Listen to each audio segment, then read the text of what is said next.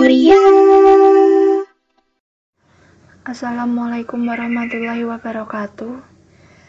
Kali ini kita akan membahas mengenai budaya populer atau lebih tepatnya mengenai pokok yang kita ambil yaitu mengenai Hallyu atau Korean Wave.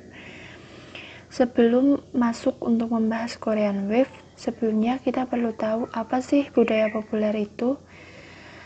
E, menurut William dalam story, dia memaknai bahwa budaya populer adalah budaya yang banyak disukai dengan karya yang dihasilkan untuk menyenangkan orang yaitu sebuah konsep yang dihasilkan suatu produk yang disebut produk budaya populer yang banyak disukai orang.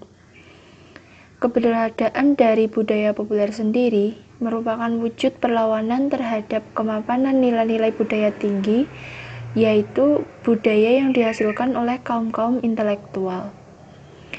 Namun, kini budaya populer sudah tidak lagi dianggap sebagai budaya rendahan karena kaum intelektual pun kini mulai terpapar oleh e, persebaran dari produk budaya populer.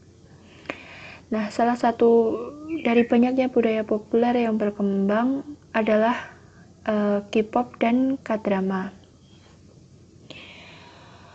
K-pop dan K-drama sendiri mempunyai peran yang sangat besar dalam proses penyebaran Hallyu atau Korean Wave Nah, sebelumnya apa sih itu Hallyu atau Korean Wave?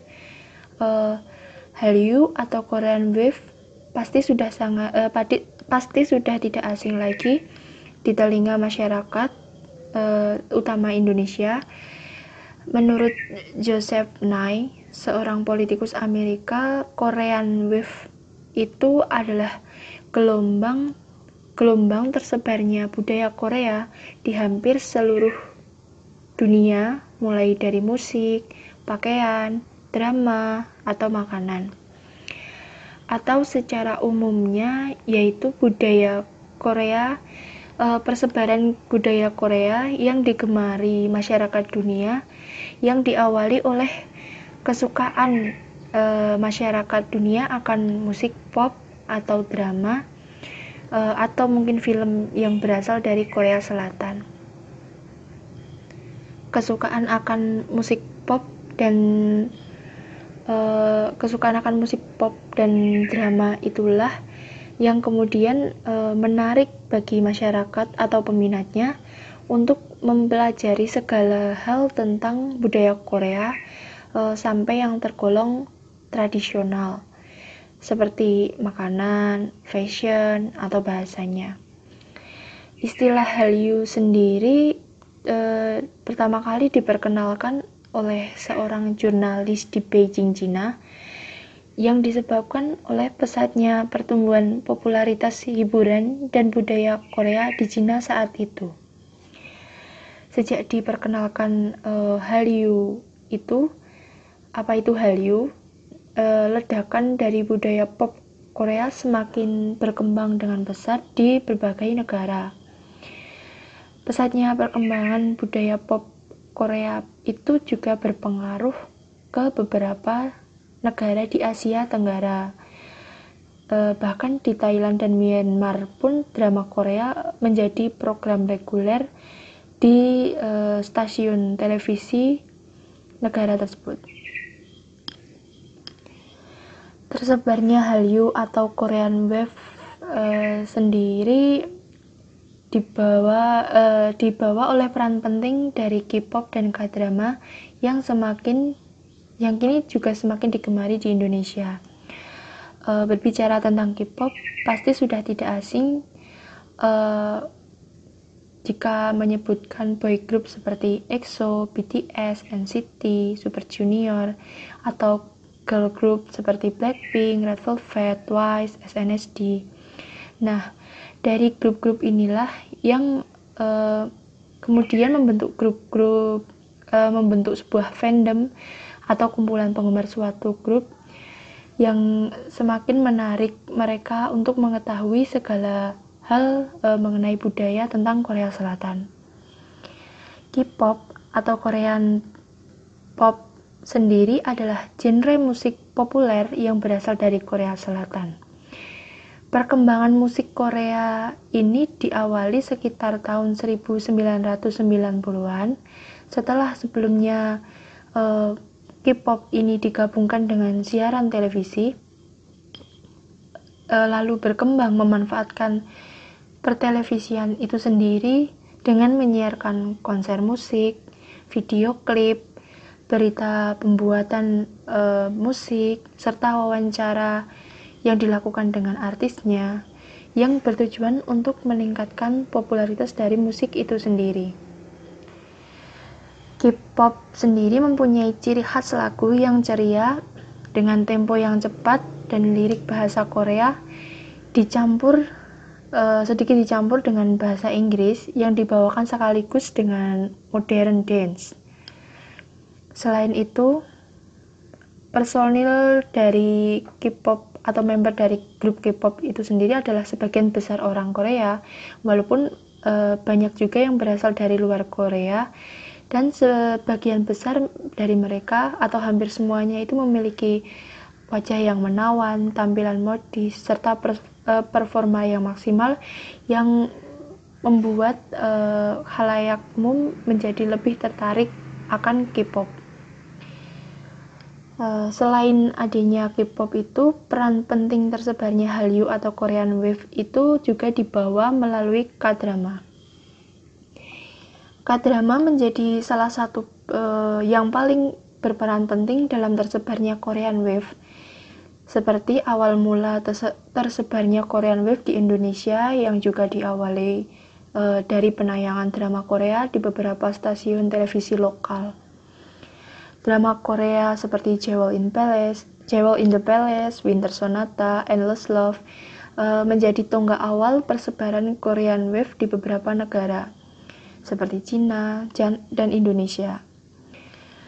Kesuksesan dari drama-drama Korea tersebut didukung oleh beberapa faktor seperti isi dari cerita yang dianggap lebih bersifat kontemporer dibandingkan drama drama lain uh, drama yang berasal dari negara lain uh, atau seperti drama yang berasal dari Taiwan yang lebih dulu muncul uh, dan cerita yang diambil berkenaan dengan masalah atau isu-isu terbaru yang ditemukan dalam kehidupan uh, dalam kehidupan sehari-hari. Lalu dikemas dengan baik kualitasnya juga baik um, lalu didukung dengan aktor dan aktrisnya yang benar-benar uh, mempunyai bakat acting yang bagus dan fashion juga yang dan fashion juga mendukung eh, hal-hal uh, inilah yang kemudian menarik perhatian banyak orang dan menjadikan Hal Hallyu atau Korean Wave ini uh, cepat tersebar ke berbagai negara termasuk uh, di Indonesia. Nah, selanjutnya Mari kita bahas mengenai bagaimana sih awal mula Korean Wave atau K-pop di Indonesia itu.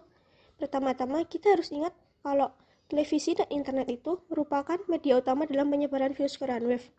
Karena saat ini televisi, televisi sudah menjadi hiburan pokok bagi masyarakat luas dan perkembangan teknologi memudahkan masyarakat untuk mengakses internet. Hal itu menjadikan Korean Wave sangat dikenal oleh masyarakat luas. Nah, dari data 2018 itu diperoleh bahwa lebih dari 5 juta video K-pop telah diunggah ke YouTube. Sebagian dari jumlah tersebut ialah TVXQ 400.000 video, Kara 400.000 video, SNSD 340.000 video, Super Junior 270.000 video, dan Wonder Girls 260.000 video. Terus nih kata salah satu dosen UGM Bapak Surahko Nugroho di papernya itu nyebutin kalau perkembangan Korean Wave itu dimulai ketika Indosiar menayangkan drama Endless Love tahun 2000-an.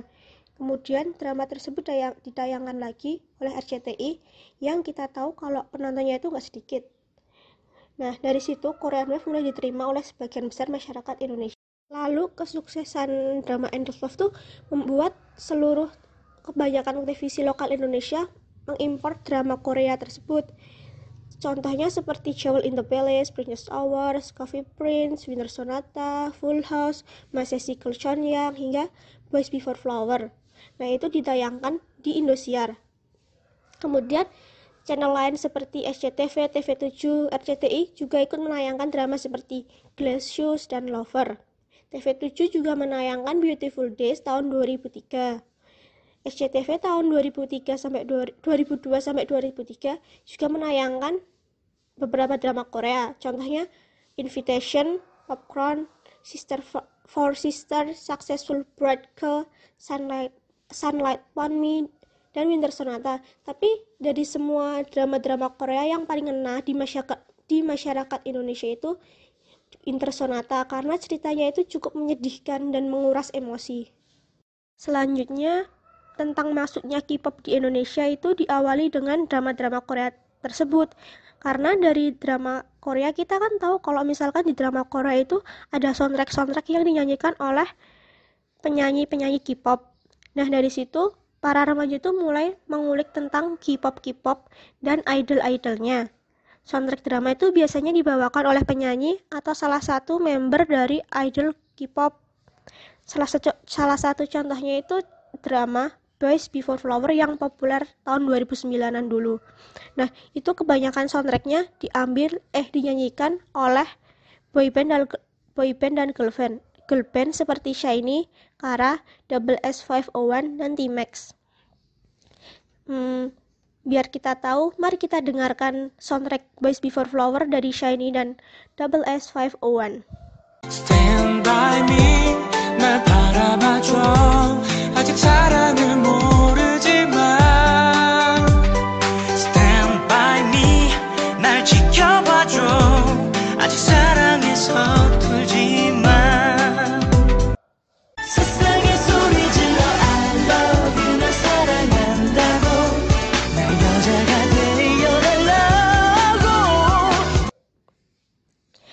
Itu tadi soundtrack yang, yang dinyanyikan oleh Shiny dan Double S501.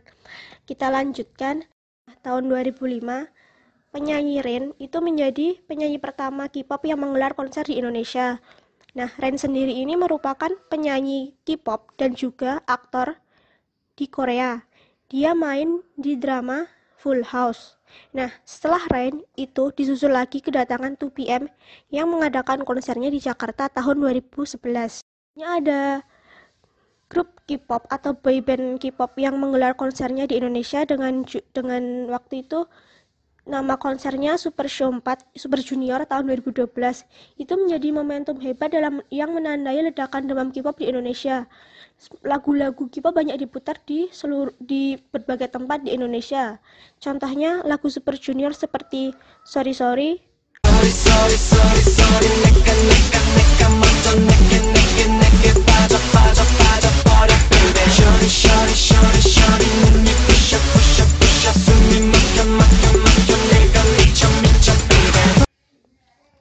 Buna Mana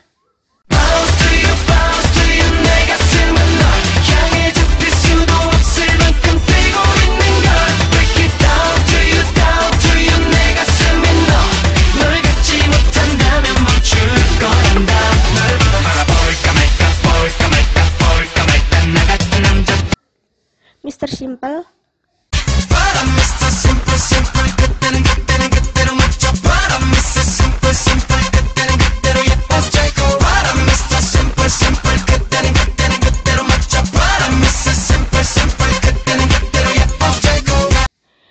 dan Mama Cita. Hey, Mama Cita Nah, itu lagu-lagu itu menjadi tidak asing di telinga remaja Indonesia saat itu karena banyaknya yang mengeplay lagu tersebut. Nah, sejak saat itu Indonesia menjadi negara wajib dalam konser tur Asia idol-idol K-pop. Bahkan SM Entertainment yang merupakan agensi Super Junior juga menggelar konser SM Town Live World Tour, World Tour 3 di Indonesia tanggal 22 September 2012. Nah, SM Town itu membawa semua artisnya yaitu Kangta, Boa, TVXQ, Super Junior, Shiny, SNSD, dan EXO. Nah, kita kan tahu kalau misalkan yang di bawah naungan SM Entertainment itu pada terkenal, pada banyak penggemarnya. Nah, bahkan itu konser ini berhasil mengumpulkan lebih dari 50.000 penonton dan menjadi konser K-pop terbesar dan termegah pertama yang digelar di Gelora Bung Karno. Ada lagi acara Music Bank, yaitu acara musik Korea yang ditayangkan setiap minggu di channel KBS. Itu pada tahun 2013 juga mengadakan tur dunia, salah satunya di Indonesia. Nah, mereka tuh di Indonesia membawa Super Junior, Shiny, 2PM, Peace, Infinite, Sistar, Tintop, dan Eru. Nah, mereka itu pada saat itu merupakan idol-idol yang digemari di dunia maupun di Indonesia.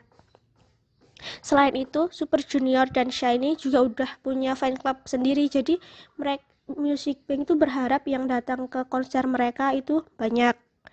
Kita juga tahu bahwa tahun 2013 itu di seluruh dunia itu kena demam Gangnam Style. Bahkan di Indonesia artis-artis pun menarikan tarian Gangnam Style dari PSY. Itu itu lagunya benar-benar booming banget pada tahun 2013. Nah, seiring berjalannya waktu kan semakin banyak idol-idol K-pop yang yang debut juga. Nah, itu juga membuat jumlah penggemar yang ada di Indonesia itu juga semakin banyak. Dari 2013 sampai 2020 ini, banyak idol K-pop yang mengadakan konser maupun fan meetingnya di Indonesia. Contohnya One, Sistar, Shiny, CN Blue, EXO, BTS, GOT7, Monsta X, Seventeen, Fix, Astro, Blackpink, dan lain-lainnya. Bahkan mereka juga mengadakan pemotretan di Indonesia. Salah contohnya Yesung dari Super Junior itu me melakukan pemotretan dengan majalah Maps Korea di Jakarta tahun 2015 dan Chanyol EXO itu juga melakukan pemotretan dengan majalah High Cut di Bali tahun 2020 lebih tepatnya bulan Februari. Kemudian, acara-acara televisi Indonesia juga mendatangkan idol K-pop sebagai bintang tamu mereka, sehingga K-pop itu lebih dikenal oleh masyarakat Indonesia. Contohnya, Minho Shiny datang di acara Indonesian Television Award 2017 dan Cha Eun datang di acara yang sama di tahun 2018. Bahkan, acara closing ceremony Asian Games 2018 yang kita tahu bahwa acara itu mungkin bakal ditonton oleh seluruh atau sebagian besar masyarakat Indonesia juga mendatangkan Super Junior sebagai salah satu bintang tamunya. Setelah ada virus ini, penggemar Korea tuh dapat dikatakan lebih banyak karena mereka yang bekerja dari rumah maupun kuliah dari rumah memilih memilih melihat atau menonton drama Korea ataupun melihat boyband dan girlband Korea. Bahkan televisi Trans TV pun menayangkan drama Korea yang sedang viral dan sedang banyak penggemarnya yaitu The World of the Merit dan katanya nih Indosiar juga akan menayangkan kembali drama The Legend of the Blue Sea. Nah, itu tadi tentang bagaimana awal mula dan perkembangan K-pop di Indonesia. Nah, setelah mengetahui apa itu K-pop dan bagaimana awal mula uh, Hallyu Wave masuk di Indonesia, pasti kita bertanya-tanya, apa sih yang sebenarnya membuat budaya K-pop itu sangat digilai oleh remaja-remaja, terutama remaja di Indonesia? Dalam menyukai sesuatu, pastinya didasari oleh sebuah perasaan. Sama halnya dengan candu K-pop. Mereka tuh awalnya cuma suka aja, suka sama musik-musiknya, sehingga suatu saat kesukaan ini tuh semakin menjadi candu ketika mereka mulai menyukai budaya K-pop terlalu berlebihan sehingga terbawa suasana dan terbawa hingga di kehidupan nyata. E, mayoritas penggemar K-pop itu menyukai K-pop berawal dari dilihatin sama penggemar K-pop terdahulu. Alasan mereka menggilai adanya K-pop tuh sangat sederhana, sebenarnya sangat-sangat sederhana. Mereka tuh suka karena visual idol Korea yang menurut mereka tuh cantik-cantik dan ganteng-ganteng. Kita tahu sendiri bahwa Indonesia memandang cantik dan ganteng itu yang berkulit putih. Sama kayak halnya uh, penggemar K-pop di Indonesia kan mayoritas perempuan. Mereka apabila melihat um, music video uh, K-pop itu pasti nanti mereka akan yang di komentari awal tuh pasti visual mereka. Wah uh, dia putih wah dia ganteng wah dia uh, sipit wah dia mancung uh, wah alisnya tebel uh, perutnya ada ABS-nya ada daya bidang gitu. Uh, uh, bukan hanya itu saja uh, tetapi grup idol Korea itu menggunakan tarian atau dance dalam menyanyi sehingga hal tersebut digunakan sebagai daya tarik untuk penggemar K-pop. Uh, musik Korea sendiri juga dianggap berbeda dengan musik dari negara lainnya karena um, mereka memiliki memiliki kekasan musik menurut penggemar K-pop sendiri. Dari beberapa sumber yang kita wawancarai sederhana, hampir seluruhnya mengatakan bahwa visual yang membuat mereka tertarik dengan K-pop ini. Mereka tuh uh, uh, menyukai visualnya gitu, menyukai wajahnya terutama. Selain itu, mereka juga bilang bahwa setiap idol itu juga mampu membawakan genre musik yang berbeda-beda sehingga membuat pendengaran pendengarnya itu tidak merasa bosan gitu. Menurut mereka lagu uh, menurut mereka lagu yang dibawakannya itu memberikan arti berbeda gitu untuk mereka gitu. Uh, selain itu beberapa dance yang yang di tarikan oleh beberapa idol itu bagi penggemar Korea itu memiliki arti memiliki arti yang berbeda gitu. Setiap dance-nya itu memiliki arti yang disampaikan oleh idol itu kepada para penggemar gitu. Selain itu juga uh, music video yang ditampilkan itu bagi penggemar Korea itu mereka beranggapan bahwa dalam di dalam music video itu ada sebuah makna yang disampaikan itu mereka yang membuat membuat mereka menarik adalah penggemar K-pop itu ikut menebak-nebak apa yang ingin disampaikan sebenarnya dalam music video itu. Alasan yang lain yaitu uh, mereka para penggemar K-pop ini juga kagum akan multi talent idol K-pop yang tidak hanya bisa menyanyi saja, melainkan berakting, produksi lagu sendiri, menciptakan tarian atau dance. Mereka juga dapat mengisi sebuah acara atau MC di mana para penggemar K-pop ini lebih lebih lebih tertarik lagi gitu karena idol mereka itu multi, sangat multi talent sekali. Selain itu, mereka juga menyukai fakta bahwa idol Korea itu juga tidak jarang yang berpendidikan tinggi. Jadi jadi tidak sekedar memiliki bakat namun juga gelar yang tinggi, bahkan ada yang sampai S2 atau S3. Selain menyukai musik, fenomena drama Korea juga tidak luput dari pecinta K-pop. Mereka menganggap bahwa uh, drama Korea itu menyajikan alur cerita yang berbeda, apalagi jika idol yang mereka suka itu menjadi pemain di dalam drama Korea tersebut. Otomatis mereka akan uh, menonton gitu. Selain itu, mereka juga menganggap bahwa suatu drama itu perannya dibawakan secara profesional dan totalitas sekali. Melalui drama ini pula, penggemar Korea mulai mengetahui berbagai budaya Korea, mulai dari bahasanya, kayak sekarang bahasa sehari-hari sehari-hari aja. Terima kasih itu juga diucapin dalam bahasa Korea. Maaf aja diusap, diucapin dalam bahasa Korea gitu. Terus uh, makanan, makanan Korea itu juga saat ini mulai dicoba oleh mereka para penggemar Korea Bahkan ada narasumber yang mengatakan bahwa dengan K-pop ini dia merasa lebih hidup karena K-pop sangat memberikan kebahagiaan bagi dia sehingga dia bahkan tidak bisa membayangkan bagaimana hidupnya tanpa K-pop. Sebegitu berpengaruhnya ternyata K-pop ya. Setelah membahas mengapa banyak anak muda menyukai Korean Wave atau K-pop ini, sekarang kita membahas dampak atau pengaruh yang ditimbulkan dari adanya Korean Wave atau K-pop ini yang bergejala di masyarakat, serta pengaruhnya terhadap hubungan bilateral Korea Selatan Indonesia. Korean Wave atau K-pop ini sudah cukup lama menggejala di kehidupan masyarakat Indonesia dan sudah menjadi salah satu budaya pop di Indonesia.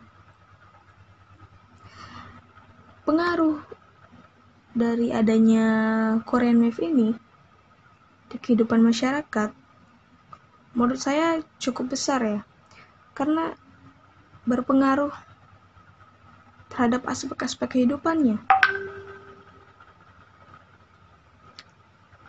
Hampir semua aspek-aspek kehidupan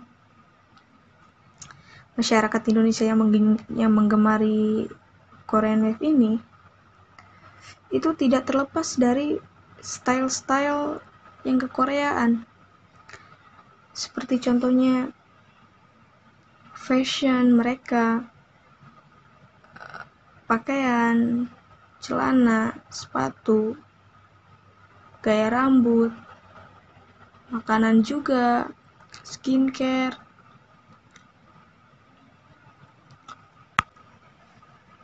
bahkan ada salah satu teman saya dia menyukai K-pop. Uh, dia penyuka Korean Wave juga. Dia itu kalau makan itu menggunakan sumpit. Itu menurut saya menarik sih. Ya mungkin karena dia dia suka. Terus uh, namun menurut saya uh, ini salah satu ancaman ancaman juga terhadap budaya lokal Indonesia yang di mana anak-anak muda sebagai generasi penerus mereka lebih cenderung kepada kebudayaan Korea daripada kebudayaan lokal sendiri. Nah, ini tidak tidak menutup kemungkinan bahwa jika terus seperti ini lokalitas lokalitas kita dan kebudayaan lokal kita akan meluntur. Dan jati diri bangsa ini juga akan meluntur. Karena kurangnya perhatian anak-anak muda sebagai generasi penerus dan pelestarian budaya lokal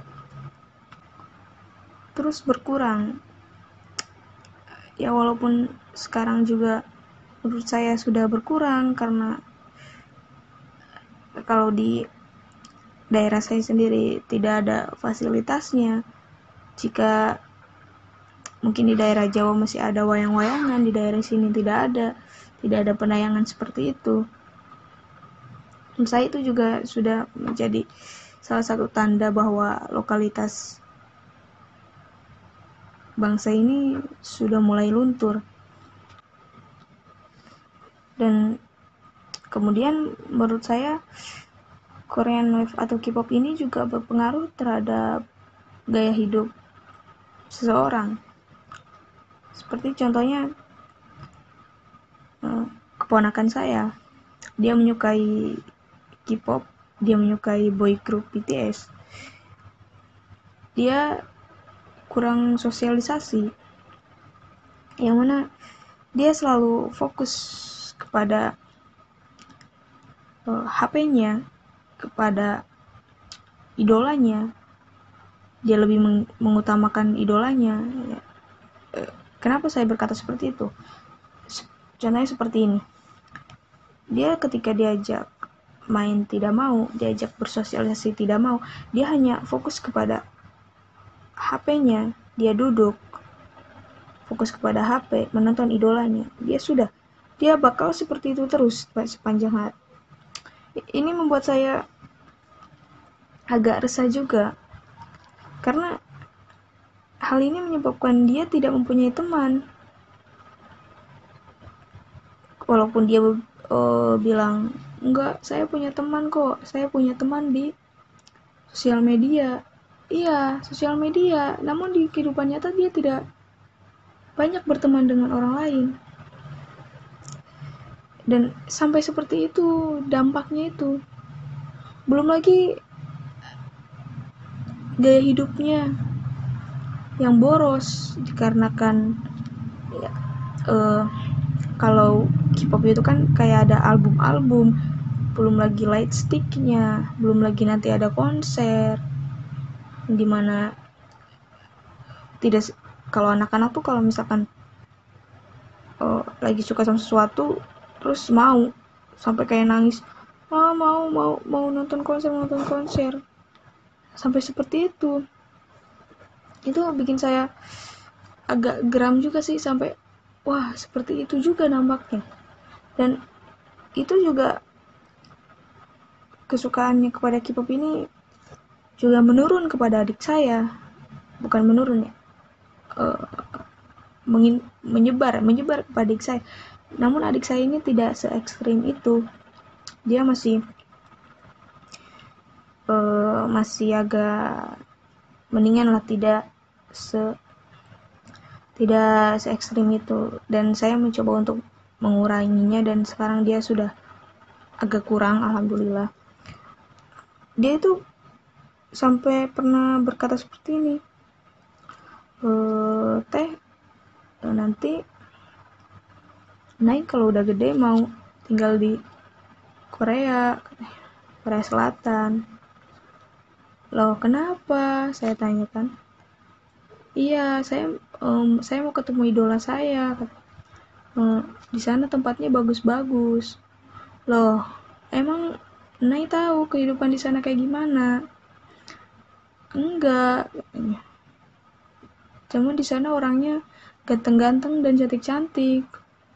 Ya seperti yang kita tahu Korea itu mengandalkan visual sekali. Lo lah lo iya. Ya cuma kan nah akhirnya saya jelaskan kan. Lo gini loh Nai Korea itu negara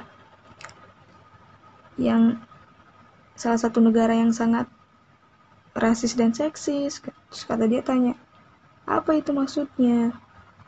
Ini dia tuh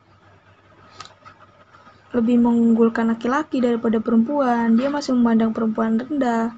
Terus dia juga memandang ras dia itu lebih baik budaya budaya itu budaya dia itu lebih baik. Ini tuh menyebabkan dia meremehkan budaya orang lain gak enak tinggal di sana itu. Banyak. Banyak tidak sedikit orang Korea yang bilang bahwa tinggal di Korea itu tidak seenak itu. Dan dia mengatakan seperti yang Tete katakan. Dia bilang loh seperti itu ya katanya. Baru tahu nah, dan ketika eh, seketika saya berpikir loh jangan-jangan ini teman-teman saya juga berpikiran seperti itu. Pas saya tanya seperti pas saya tanya ternyata pemikirannya juga seperti itu seperti adik saya. Nah yang saya bingungkan seperti mereka itu berada di lingkaran Korea ini. Jadi mereka tidak tidak mempelajari uh, mungkin kurang mempelajari ya kurang mempelajari bagaimana kehidupan di Korea ini. Yang mereka tahu itu ya itu Korea orangnya cantik-cantik ganteng-ganteng kotanya bagus stylenya keren. Ya pokoknya yang baik-baik saja. Ya bagaimana ya? Kalau di media kan semua juga pasti menampilkan yang baik-baik saja seperti itu. Jadi mereka hanya tahu ya ini ini bagus bagus bagus bagus seperti itu. Nah, kemudian belum lagi gaya hidup yang boros. Nah, uh, kan kalau di Korea itu kalau K-pop itu kayak beli-beli album light stick belum lagi merchandise merchandise nya yang lain segala macam perintilannya. Itu bukan murah mahal kalau menurut saya lumayan mahal juga. Dan uh, tidak tidak sedikit keponakan saya yang membeli-beli hal-hal seperti itu. Ya ketika tidak diturutin dia marah dia mengamuk ya seperti itulah. Jadi saya agak kesal juga sampai seperti itu pengaruhnya. Namun di sisi lain nggak sedikit orang juga yang tertarik e, belajar bahasa lain bahasa Korea kan. Ya menurut saya bahasa mempelajari bahasa itu perlu. Bahasa asing itu perlu. E, tidak ada ruginya juga kan bisa bahasa yang lain bahasa negara lain. Nah tidak tidak sedikit orang juga yang tertarik mempelajarinya karena hal tersebut. Dan menurut saya itu cukup bagus juga terus Terus apa pengaruh Korean Wave atau K-pop ini terhadap hubungan bilateral Korea Selatan dan Indonesia? Eh, bercerita sedikit dulu tentang kedekatan Korea dan Indonesia karena pada Perang Dunia Kedua sebenarnya Korea dan Indonesia itu tidak memiliki kedekatan politik pasca Perang Dunia Kedua. Eh, hal tersebut itu eh, dipicu oleh kebijakan luar negeri dari Korea Selatan sendiri yang diterapkan oleh presiden pertama mereka, eh, Lee Singman. Maaf kalau salah pengucapan. Isi kebijakannya itu yaitu katanya Korea Selatan itu secara mutlak menyatakan anti terhadap komunisme serta mengambil sikap keras terhadap negara-negara komunis. Terus di samping itu pemerintah Ri juga tidak mau membuat perdebatan sikap terhadap negara komunis dan negara non-blok. Di mana pada masa tersebut Indonesia itu masuk di dalamnya. Nah, hal tersebut juga diperparah oleh sikap Indonesia di bawah Presiden Soekarno yang mengatakan bahwa Indonesia itu tidak memiliki minat untuk dekat dengan negara Asia Timur selain Jepang. Lalu Indonesia juga di bawah Soekarno pernah menerapkan kebijakan diplomatik anti Korea Selatan. E, hal-hal itu membuktikan bahwa e, pasca Perang Dunia Kedua, Indonesia dan Korea Selatan itu tidak memiliki kedekatan politik. Namun singkat cerita, pada masa pemerintahannya Soeharto, Indonesia dan Korea Selatan berupaya menjalin kedekatan dan kerjasama, menjalin kedekatan e, diplomasi.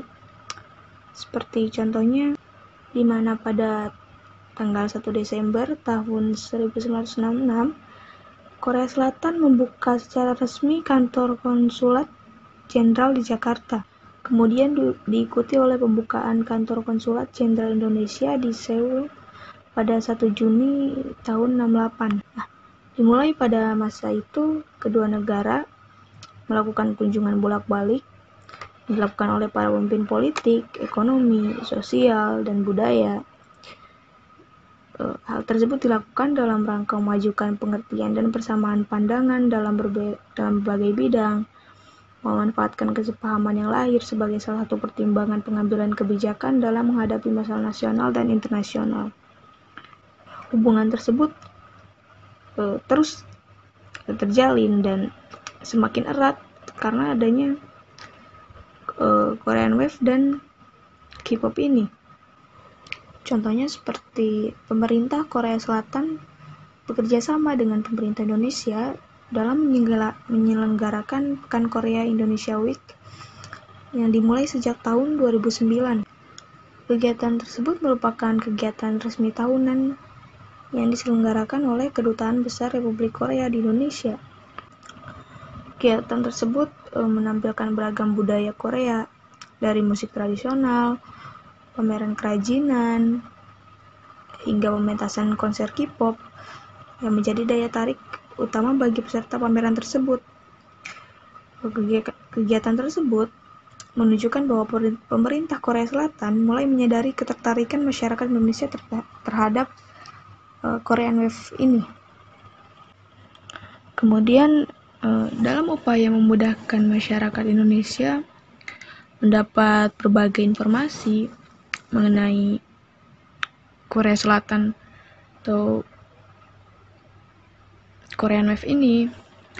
Bahkan pemerintahnya juga uh, meresmikan kantor Korea Tourism Organization KTO cabang Jakarta. Nah, uh, pendiri KTO ini mengatakan bahwa pendirian KTO ini bertujuan untuk mempererat kerjasama antar kedua negara terutama menyangkut unsur urusan pari, pari, pariwisata. Karena dari data yang ada uh, menunjukkan bahwa turis Indonesia di Korea ini meningkat setiap tahunnya dan meningkat dalam jumlah yang sangat besar. Tidak hanya peresmian KTO, pemerintah Korea Selatan juga meresmikan kantor Korean Cultural Center KCC di Jakarta. Pembangunan KCC ini juga merupakan respon pemerintah Korea Selatan atas tingginya minat masyarakat Indonesia mengenai Korean Wave ini. Kemudian Korea Selatan ini juga aktif menggunakan peran uh, Hallyu atau Korean Wave ini sebagai salah satu sarana pelaksanaan kegiatan diplom diplomasi. Salah satunya di Indonesia. Contohnya seperti pada saat pemerintah Korea Selatan menjalin kerjasama militer bersama dengan Indonesia pada kunjungan kenegaraannya dari pihak militer Korea ke Indonesia bersama dengan Duta Besar Korsel untuk Indonesia Kim Yong Sang pada tahun 2011 eh, mereka mengikut sertakan aktor mereka yakni Hyun Bin yang sedang menjalani kegiatan wamil dan dia ditunjuk menjadi duta militer Korea Selatan. Kedatangan uh, Hyun Bin ini dikatakan merupakan bentuk diplomasi oleh pemerintah Korea Selatan untuk memperkuat hubungan dengan Indonesia. Kemudian uh, contoh lainnya yaitu peresmian Lotte Duty Free atau gerai bebas pajak asal Korea di Jakarta, tepatnya di Bandara Soekarno-Hatta pada tahun 2012. Eh, dalam peresmiannya, Korea Selatan menggunakan lagi-lagi menggunakan Hallyu lagi, yakni aktor Choi Ji-woo yang bermain dalam drama Winter Sonata. Dia juga anggota grup 2PM. Kemudian untuk brand ambasadornya mereka menggunakan Eru untuk dijadikan brand ambasador untuk Indonesia pada tahun 2014. Nah, eh, contoh-contoh tadi eh, menunjukkan bahwa memang benar bahwa Korea Selatan menggunakan Hallyu atau Korean Wave ini sebagai soft power mereka untuk mempererat hubungan bilateral dalam bidang militer, bidang ekonomi dengan Indonesia. Sebenarnya bukan dengan Indonesia saja, namun karena kita membahas Indonesia, maka salah satunya dengan Indonesia. Eh, ada contoh yang lebih mungkin bisa dikatakan lebih spesifik seperti ini. Pada tahun sebelum Hallyu berkembang di Indonesia, angka impor Indonesia terhadap produk Korea Selatan masih berkisar antara 4 sampai 6 miliar US dollar. Kemudian pada tahun 2010, yakni di mana Hallyu ini sudah meningkat minat masyarakat terhadap Hallyu ini, penerimaan masyarakat Indonesia terhadap produk Korea Selatan meningkat seiring masuk dan dikenalnya Hallyu di Indonesia. Eh, peningkatan terlihat jelas eh, semenjak tahun 2011 dibanding tahun sebelumnya. Contohnya pada ta pada tahun 2010, angka impor Indonesia terhadap produk Korea Selatan adalah kurang lebih eh, 7 miliar US dollar. Kemudian pada tahun 2011 terjadi peningkatan hingga mencapai angka 12 miliar US dollar. Uh, dan hal ini terus uh, meningkat setiap tahunnya. Ya walaupun pada tahun 2011 turun namun masih di, di atas angka 10 miliar dan di tahun-tahun selanjutnya terus meningkat hal ini menunjukkan bahwa dapat disimpulkan bahwa Hallyu ini merupakan salah satu faktor pendorong meningkatnya angka impor produk Korea Selatan ke Indonesia. Kemudian pada aspek sosial budayanya dengan diadakannya Indonesia Korea Week semenjak tahun 2009 yang isi rangkaian kegiatan tersebut memperkenalkan tarian tradisional Korea, kemudian musik, musik tradisional, kemudian seninya, dan lain-lain. Hal-hal tersebut uh, menunjukkan bahwa uh, uh, Korea Wave ini atau Hallyu ini juga ikut berpengaruh terhadap hubungan bilateral antara Korea Selatan dengan Indonesia dan bahkan Korea Selatan sendiri mengakui bahwa mereka menggunakan Hallyu atau Korea Korean Wave ini sebagai soft power mereka. Menjawab pertanyaan dari Pak Pandu tentang alasan mengapa tema ini harus menjadi public concern, karena sebagai urusan publik, pengaruh K-pop sudah sangat menjalar di sebagian besar remaja Indonesia. Saat ini, semuanya berbau Korea-Korea, sehingga dengan pengaruh yang begitu kuat, produsen-produsen seperti film, musik, disertai dukungan pemerintah harus memikirkan konsep yang lebih menarik dan kreatif agar produk asli Indonesia dan budaya lokal di Indonesia tidak ditinggalkan oleh remaja Indonesia yang akan datang.